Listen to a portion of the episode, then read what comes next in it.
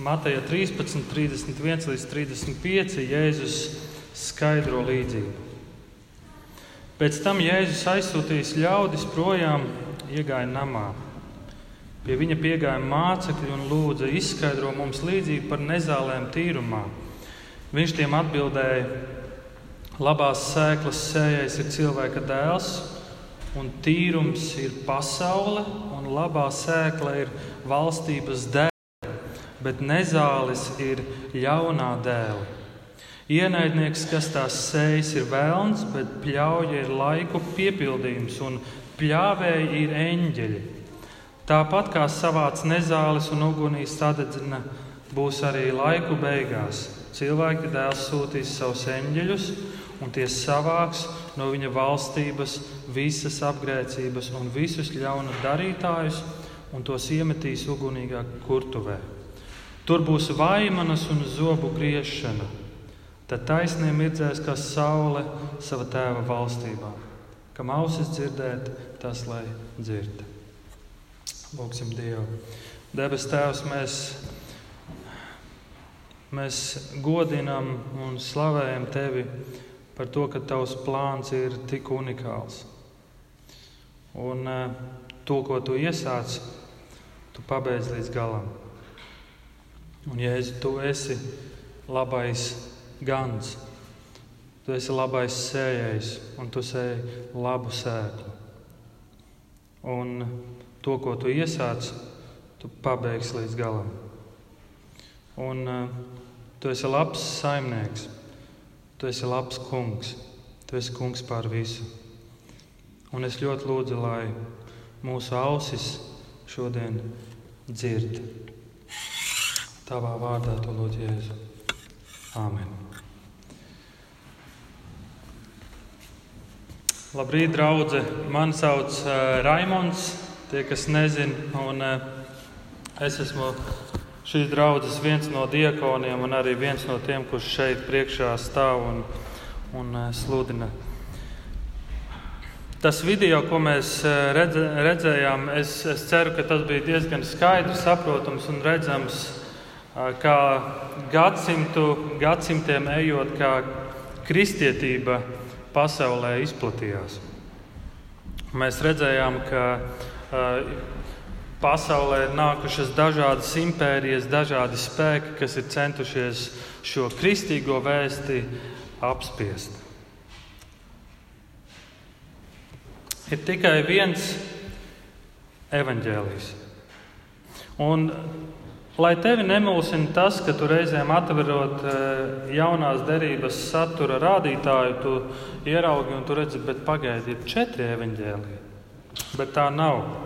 Ir tikai viens evaņģēlijs, bet aprakstīts no četrām dažādām pusēm. Mateja, Marka, Lūkas un Jāņa. Un katrs no šiem cilvēkiem apraksta vienu to pašu evaņģēliju, bet no cita skatījuma.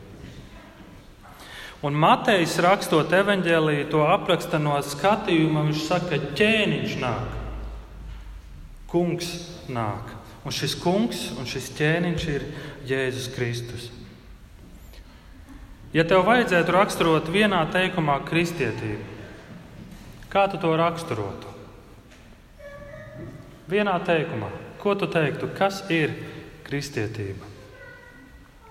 Daudz to raksturotu kā vērtību un domu sistēmu.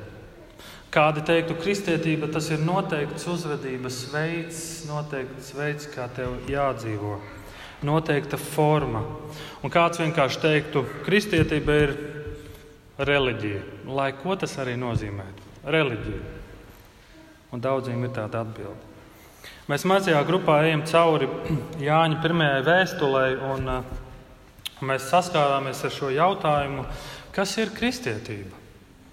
Un pirmā Jāņa vēstulē, pirmajā nodaļā, pirmie divi panti Jānis raksta, kas bija no iesākuma, ko esam dzirdējuši, ko savām acīm esam redzējuši, ko skatījām un ko mūsu rokas aptaustīja par dzīvības vārdu. Un dzīvība tika parādīta, un mēs to esam redzējuši un apliecinām un pasludinām jums mūžīgo dzīvību, kas bija pie tēva un tika mums parādīta. Vārdi, kas, kas atkārtojas un kas prasa atkal izlasīt cauri, bet Jānis pasaka, ka kristietība ir persona. Kristietība ir par personu. Kristietība ir Jēzus Kristus. Un vienā teikumā, ja mums vajadzētu pateikt, kas ir kristiešu galvenā vēsts, tad šī vēsts skanētu šādi: Jēzus Kristus ir kungs. Jēzus Kristus ir kungs. Jēzus Kristus ir centrālā persona jaunajā derībā. Jēzus Kristus ir centrālā persona visā Bībelē. Jēzus Kristus ir centrālā persona visā pasaulē. Un neskatoties uz noraidījumiem šajā pasaulē, kas starp citu ir viņa radīta, Jēzus Kristus ir kungs. Un tad, kad Jēzus atnāca uz šo pasauli, viņš, viņš teica šādus vārdus: Atgriezieties no grēkiem, jo debesu valstība ir klāta. Atnāk Jēzus un saka, debesu valstība ir šeit. Tā ir klāta, tā ir šeit. Un ko nozīmē šie vārdi? Ko nozīmē, ka debesu valstība ir klāta? Tas nozīmē vien to, ka kāds to šeit ir atnesis. Kā izskatās debesu valstība? Jēzus saka, akli redz, kropli staigā, spitālīgi top šķīstīti un kurli dzird, mirušie augšām ceļas un nabagiem tiek sludināta prieka vēsts. Un laimīgs ik viens, kas manis dēļ neapgrēcinās. Šādi izskatās debesu valstība. Un tas ir tieši tas, par ko Matejs raksta. Ir atnācis ķēniņš, un viņš ir atnesis debesu valstību šeit uz zemes. Ir iemesls svinībām, ir iemesls grandiozām svinībām, taču svinību vietā līdz pat Mateja 13. nodaļai, kur mēs šodien esam, mēs lasām šaubas, aizdomas, pretestība, meli ļaunums. Jēzus sastopas ar lielu izaicinājumu. Viņš tiek apmānīts, apsūdzēts, nopietnas apsūdzības. Un Jēzus zina, ka viņu plāno nogalināt. Bet reizēm lasot, liekas, ka Jēzus nemaz nav par to pārsteigts. Jēzus to zina.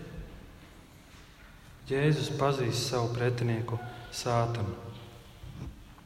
Un šīs pretošanās dēļ Mateja 13. nodaļa, kad tu lasītu Mateja evaņģēliju un tu nonāktu pie 13. nodaļas, tu pamanītu, ka Jēzus sāk runāt citādāk.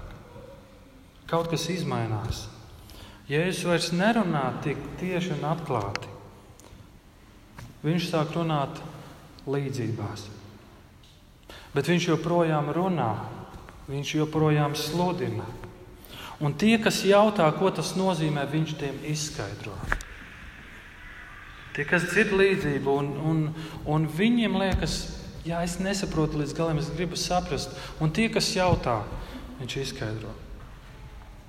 Pagājušo svētdienu mēs domājām par lauksaimniecību. Šo svētdienu turpināsim domāt par lauksaimniecību. Un šodienas līdzība, ko jau Arvis lasīja, stāsta kādu stāstu. Stāsts ir par diviem sējējiem, stāsts ir par divām augsnēm un diviem ļoti atšķirīgiem rezultātiem. Un būs tikai divi rezultāti. Nebūs trešais neitrālais kaut kur izsprukt cauri. Bet pa vidu tam vēl ir divi jautājumi, ko uzdod šī saimnieka kalpi. Stāsts ir par diviem sējējiem. Jēzus ar šo līdzību parāda, kas ir viņa darbs. Debesu valstība ir līdzīga. Debesu valstība līdzīga cilvēkam, kas labu sēklu iesaist savā tīrumā. Un Jēzus skaidro, viņš saka, ka Jēzus ir tas labais cilvēks, kurš iesaist sēklu savā tīrumā.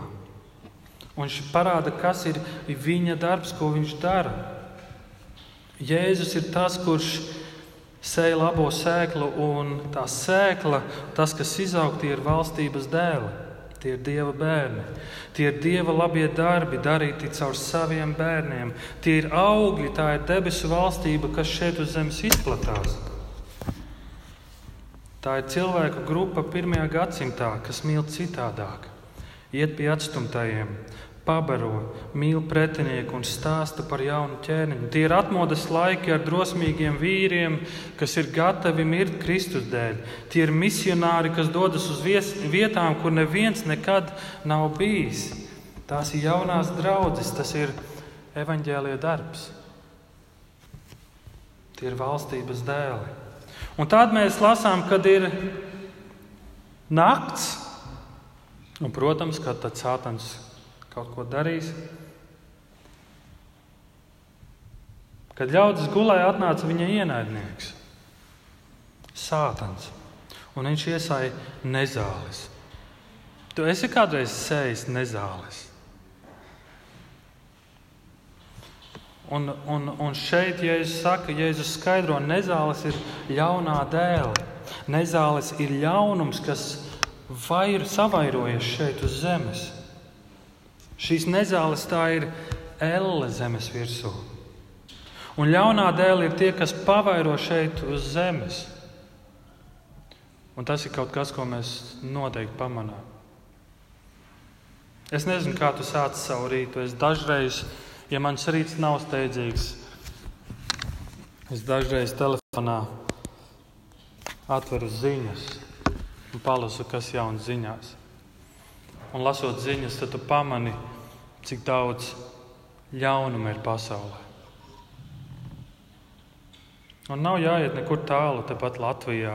Pēdējie notikumi, kas notiek Latvijā, un, un uh, visām politiskajām uh, situācijām. Un, un, un mums šķiet, ka mēs visi saprotam, mēs visi zinām, kas ir vainīgs vai nē, un kuri jāliek cietumā. Bet tas, ko mēs pamanām, ir apkārt ir tik daudz ļaunuma visādi pašnāvnieki, visādi aisis, visādi, visādi krāpnieki. Ļaunums ir visapkārt. Sātans nāk un iesēja nezāli. Viņš grib izjaukt labo dieva plānu, labo dieva darbu. Un pirmajā gadsimta laikā patiesībā kaut kas tāds tika praktizēts. Ja tu biji lauksaimnieks un, un tu iesēji sēklu, un tur bija kāds, kurš, kuram tu nepatika, un tas gribēja tevi ieriept, viņš gāja un iesēja nezāli. Un šī nezāle sākuma stadijā augot kopā ar labību, tu pat nepamani atšķirību. Tu nepamani atšķirību Tā ir gandrīz tikpat līdzīga kā labība, kas aug. Un tikai tad, kad labība jau veidojas graudi, tikai tad tu sāc pamanīt atšķirību starp kviešiem, starp labību un nezāli. Un tas pirmajā gadsimtā tas ļoti ietekmēja kopējo ražu, ražas vērtību un tā tālāk. Un romieši to pamanīja, un romieši pat likumu izdeva, ka tas, kas tā dara, tas ir nezinu, krimināli sodāms. Varbūt administratīvi. Romas laikā noteikti krimināli sodāms. Bet statistika un dažādi pētījumi joprojām rāda, ka kristīgā vēsts pasaulē paplašinās. Debesu valstība pavairojas. Video mēs redzējām debesu valstības pavairošanos līdz 2016. gadam. Un iespējams, mēs kā Eiropieši varētu teikt, eh, nu, zini, kā es kā Eiropietis skatoties uz Eiropu, to ir grūti pamanīt. Vairāk šķiet, ka baznīcas kļūst tukšākas un cilvēkiem kristietība, kristīgā vēsts kļūst garlaicīga, nav vajadzīga. Taču, kad mēs skatāmies Ķīnā, kristiešu un draugu skaits ir strauji pieaudzis. Bet tam līdzās notiek lielas vajāšanas un liels ļaunums. Āfrikas valstīs kristiešu skaits strauji pieaug, draudzes, eh, draudzes vairojas, debesu valstības darbs iet uz priekšu, taču sāpes nesnauž un ļaunums Āfrikā ir ļoti liels. Cilvēki burtiski piedzīvo elli zemes virsū. Un tad, kad Jēzus stāsta šo līdzību, tad šajā līdzībā, kad, kad viņš saka, ka var pamanīt jau graudus, labību un atšķirt no nezālēm, izskan divi jautājumi, ko jautā viņa kalpi. Viņi saka, Kungs, vai tad tu tīrumu neapsēji ar labu sēklu? No kurienes gan tur nezāles? No kurienes gan tur nezāles? Un jautājums, kas joprojām šodien ir aktuāls. Un iespējams, runājot, ja tev sanāk saruna ar, cilvēku par garīgām tēmām, tad noteikti tu esi sastapies ar jautājumu, ja Dievs ir labs, tad kāpēc ir ļaunums uz pasaules? Kāpēc Dievs neko nedara? Kāpēc Dievs pieļauj ļaunumu, ja Dievs ir tik labs? Un lasot šo līdzību, ko Jēzus saka vēlreiz, un vēl, vēlreiz man ir tāds sajūta, ka šis saimnieks, kas ir Jēzus Kristus, viņš ir diezgan mierīgi noskaņots salīdzinājumā ar strādniekiem. Un tā viņa atbilde ir,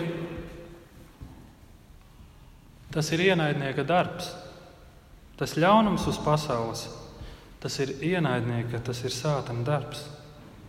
Sātans jau no paša pasaules radīšanas sākuma cenšas izjaukt dieva labos plānus. Ādams un Ieva - pirmā nepaklausība, salauzta laulība, sabojātas attiecības un lāsts nolādēti.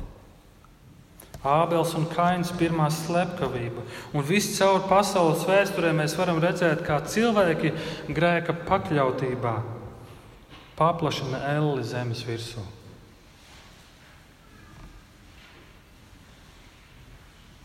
Kāpēc viņš ir tik mierīgs? Kāpēc viņš ir tik, tik mierīgs?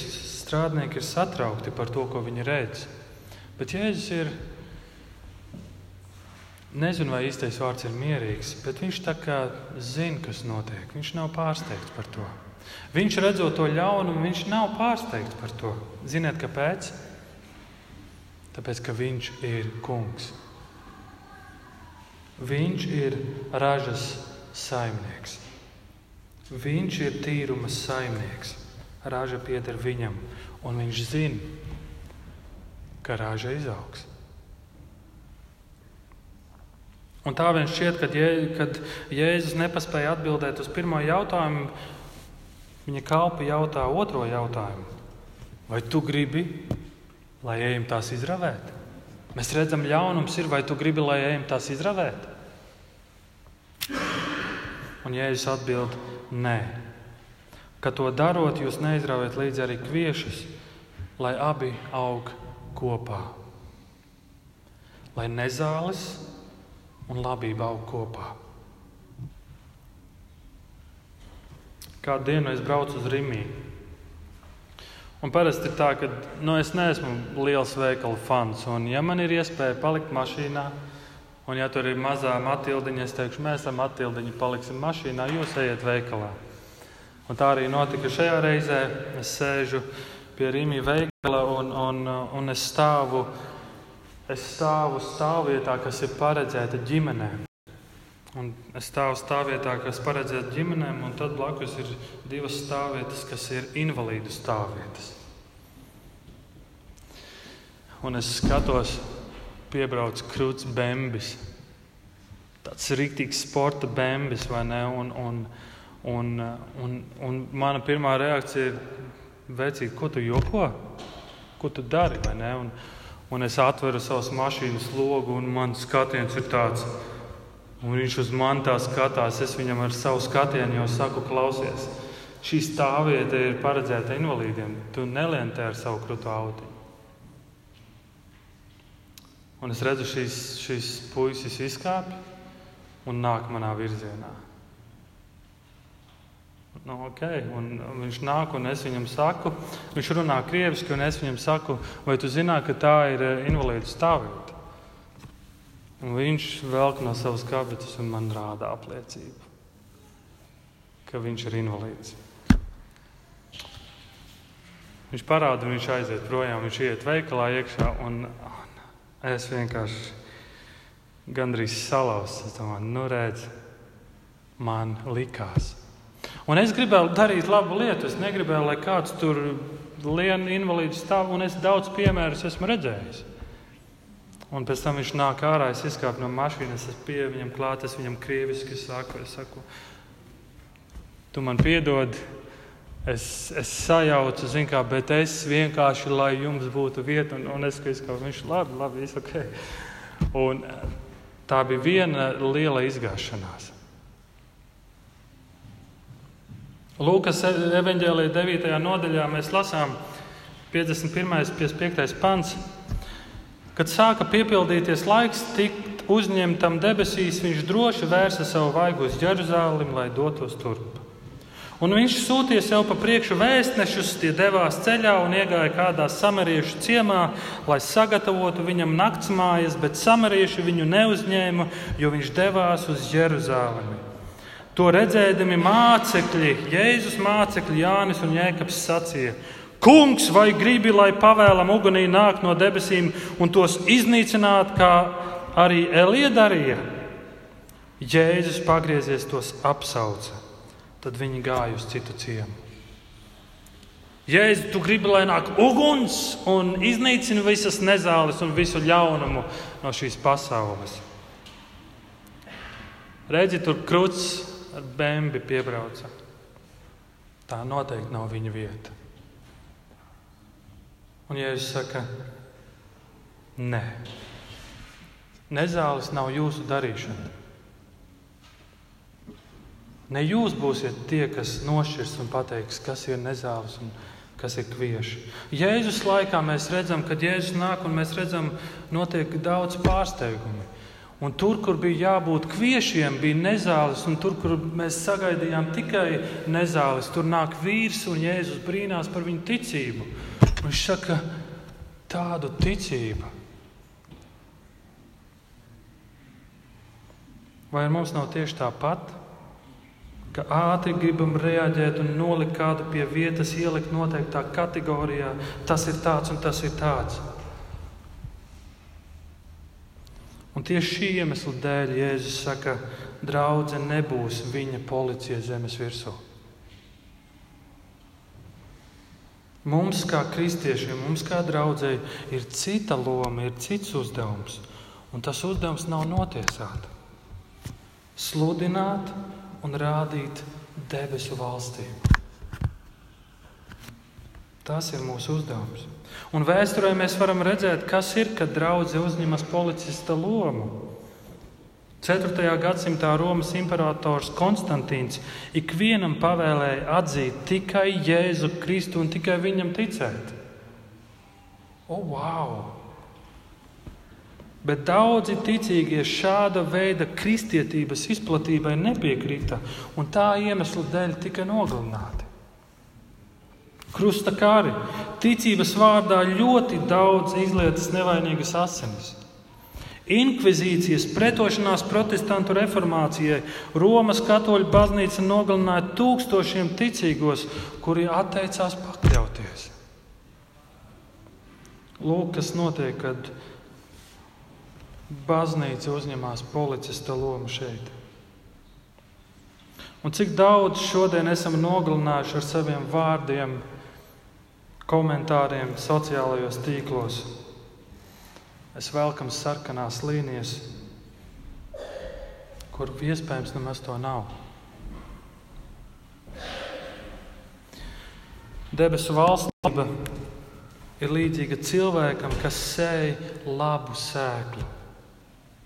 Šim cilvēkam pieder tīrums, un viņš par to rūpējas. Viņam ļoti rūp labība, un viņam ļoti rūp rezultāts bet viņš ir ļoti pacietīgs. Un tu redzi šo debesu valstības skaistumu, tā ir pacietīga. Jēzus ir pacietīgs, un viņš ir apzināti pacietīgs, jo viņš grib. Un lūk, iemesls, kāpēc viņš ir pacietīgs. Viņš grib, lai labība nogatavojas. Viņš gaida, lai labība nogatavojas.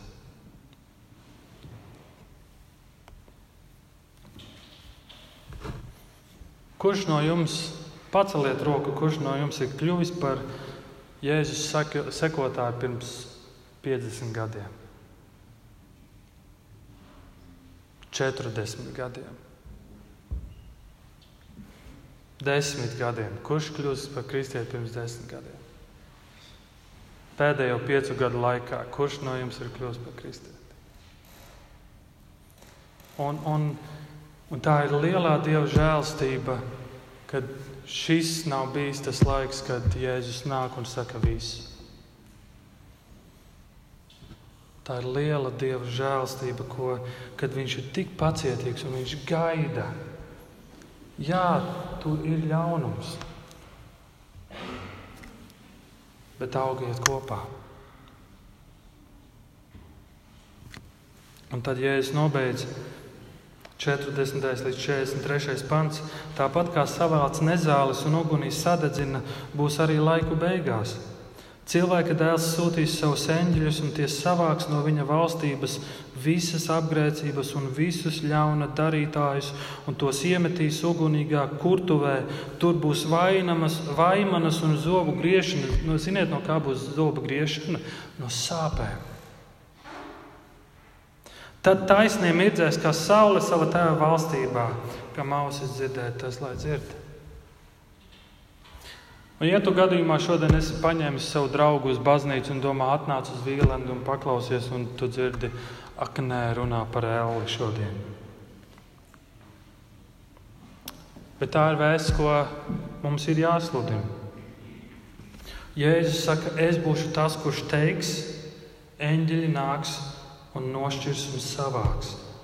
Visu ļaunumu un apgrēcību, elli uz šīs zemes virsmas viņš paņems un izmetīs no šīs pasaules.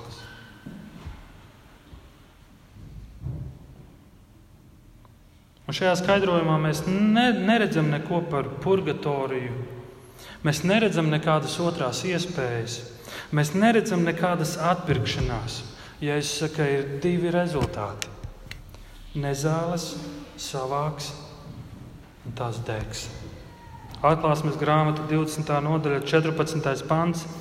Nāve un elle tika iemestas uguns ezerā. Šī ir otrā nāve, uguns ezers. Nāve un elle tiks, tika iemestas uguns ezerā. Elle, ko Sātans ir radījis, un viņa viņa, viņa dēli, viņa sekotāji šeit izplatušīs pasaules, tiks savākta un izmesta, lai degtu. Un tas ir iemesls, kāpēc Jēzus nāk, lai viņš dabūtu elli prom no šīs pasaules. Tas ir iemesls, kāpēc Jēzus nāk mūsu dzīvēm, lai viņš dabūtu elli prom no mūsu sirdīm. Un tas, ko mēs darām ar savu mēli, mēs bieži vien paplašinām elli mūsu dzīvēm, mūsu apkārtnē. Tas, ka, ko, ko mēs nodaram viens otram. Un tāpēc nāk Jēzus un saka, es dabūšu šo elli prom no tavas sirds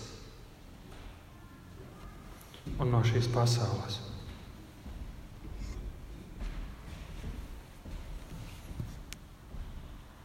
Ir divi sējēji. Ir divi, divas kultūras, ir labība un ir nezāles. Un ir divi rezultāti. Un pienāks diena, kad būs lielā tiesas diena, kad Jēzus nāks un iznīcinās visu ļaunumu no zemes. Bet līdz tam šis pļaujas kungs saka, esi pacietīgs esi pacietīgs, paciet šo ļaunumu. Un ne tikai esi pacietīgs un mēģini sevi aizsargāt no visa, no visa mums ir jās, jāpasargā sevi. Bet mums, kā Dieva bērniem, mums, kā valstības dēliem, ir jālūdz šī lūkšana, ko Jēzus ir mācījis. Lai nāk tava valstība, tavs prāts, lai notiek kā debesīs, tā ir virs zemes. Mums ir jāsvētī citus, mums ir jāmīl savs tuvākais. Mums ir jālūdz Dievs par saviem ienaidniekiem. Mums ir jāsludina evaņģēlijas par Jēzu Kristu, lai šī labā sēkla, lai šis vārds krīt labā zemē, un lai mēs lūdzam, lai tas krīt labā zemē, ka tas nes augļus 30, 60 un pat 100 kārtīgus augļus. Un lai valstības dēli tiek sūtīti pa visu pasauli, pasludināt Dieva varenos darbus. Tas ir mūsu uzdevums, draugi. Mateja 9,37. Viņš sacīja saviem mācekļiem: Pļaujamā daudz, bet strādnieku maz. Tādēļ lūdziet pļaujas kungu, lai viņš sūta strādniekus savā pļaujā. Pļaujamā ir daudz, strādnieku ir maz. Lūdziet pļaujas kungu. Lūdziet, lai ir vēl vairāk valstības dēli un gaidīsim, viņš nāks. Viņš nāks.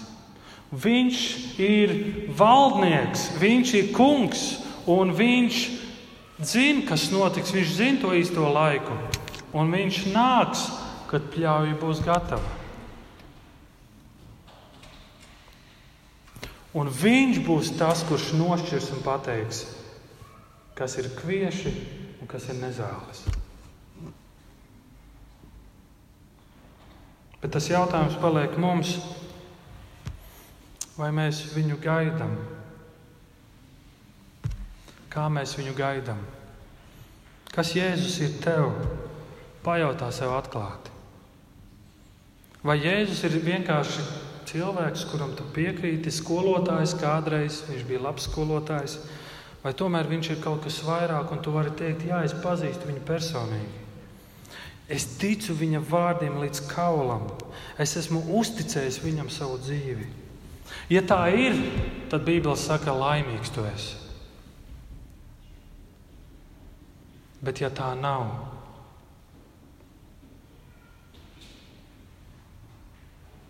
tad dari visu, kas ir tavos spēkos. Un lūdz tik izmisīgi lai viņš kļūst par tavu glābēju.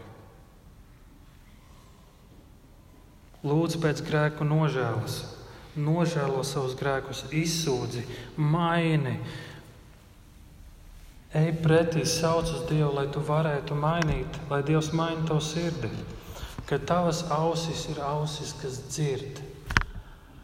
Ka tavas ausis ir ausis, kas dzird. Un mēs, mēs eh, arī eh, ziņojumos sakām par to, ka ir iespēja pieteikties kristībām un tā tālāk. Un es visu laiku esmu domājis par šo aicinājumu pieteikties kristībām. Kristības nav aicinājums, kurai draudzēji tu piederēsi. Kristības ir paklausības aicinājums. Ja tu tici Jēzum Kristum, tad nāc un apliecini to. Bet, ja tu, ja tu sevi atrod pozīcijā, tā kā es sevi atrodu, man liekas, ka es vēl neesmu gatavs. Kam tu neesi gatavs? Kas ir tas, ko tu nesaproti? Kas ir tie jautājumi? Nāc, pajautā. Mēs labprāt gribam par to parunāt. Nāc un jautā, nāc, mēs kopā lūgsim. Ja tev ir cīņas, un tu saproti, tu savā dzīvē netiec uz priekšu, nāc, mēs gatavi kopā ar tevi lūgt. Bet neatstāj šo jautājumu kaut kur pēc tam, kad es būšu kaut kad noskaņots, kaut kādas sajūtas. Tas nav par to. Sekot Kristum, tas nav tikai sajūtas, tas ir, kad tu skaties uz viņa dzīvi un jautā, vai viņš ir tā vērts, ka es viņam sekoju un atdodu savu dzīvi. Uz ko tu gaidi? Un, un mums šeit vienreiz bija pasākums šeit ārā jauniešiem. Vai šeit jaunieši bija tāds jauniešu pasākums ārā, kad uh, ik viens varēja ienākt iekšā pa sēdes vārtiem un pievienoties. Mēs ēdām, tā bija laba mūzika. Un, un ienāca kādi trīs džeki ar skrituļu dēļiem. Un, un es piegāju pie viņiem, parunājos un tā tālāk. Un, un ar, vienu, ar vienu vīru bija. Ar vienu džeku bija baigta labā saruna. Izveidojās laba saruna, un mums bija garīga saruna. Un es beigās pateicu kaut ko tādu, kas kas visu to sarunu šķiet, ka sabojāja. Un es biju tā, tā laikam iekarsis, un es viņam teicu, tu zini, man liekas, šis bija Dieva plāns, ka tu šeit atnāc. Un viņš tā, oh, jā, visi jūs tā sakat. Un, un kaut kas pēkšņi notika, kaut kas pēkšņi izmainījās. Un, un tā es viņu mēģināju aicināt. Es teicu, nāc, mums šeit ir jaunieši vakar, nāc uz metronu. Viss. Es nezinu, ko Dievs dara viņa dzīvē. Bet aicinājums šodien skan joprojām skaidri. Kas Jēzus ir tev? Ko tu darīsi ar šo Jēzu Kristu? Ko tu darīsi ar šo kungu? Viņš būs tavs kungs vai nē? Kam ausis dzirdēt, tas, lai dzird. Lūksim Dievu.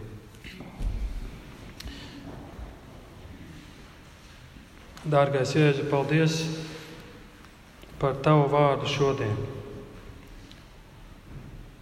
Un paldies, ka Tu nāc un izskaidro mums šīs līdzības. Un es ļoti lūdzu piedot tos brīžus, kad esam bijuši policisti un esam notiesājuši cilvēkus un esam darījuši to, kas pieder tikai tev. Jā, mīļais Jēzus, ļoti lūdzu, ka māci mums mīlēt, mīlēt cilvēkus. Un māci palīdz mums būt uzticamiem tajā, ko tu mums esi aicinājis darīt. Iet pa visu pasauli un veidot mācekļus. Un mēs to varam darīt. Un tu esi mūs aicinājis to darīt tik dažādos veidos. Un mēs ļoti lūdzam pēc dzirdīgām ausīm. Mēs ļoti lūdzam, lai cilvēki atsaucas. Mēs ļoti lūdzam pēc tā, ka tu darbojies un izmaini cilvēku dzīves. Mēs nelūdzam pēc izlikšanās, mēs lūdzam pēc patiesas atgriešanās. Un, ja tu redzi mūsu ikvienu, un ja kāds no mums šeit ir, kurš jūt, ka jā, es jūtu tavu aicinājumu, bet kaut kas pietrūkst. Es ļoti lūdzu, ka tu to atklāji. Es ļoti lūdzu, ka tu dro, dod drosmi jautāt, klauvēt, meklēt, jo tavs vārds saka, kas klauvē, tam tiks atvērts. Kas lūdz, tam tiks atbildēts. Palīdz mums būt tiem, kas klauvē.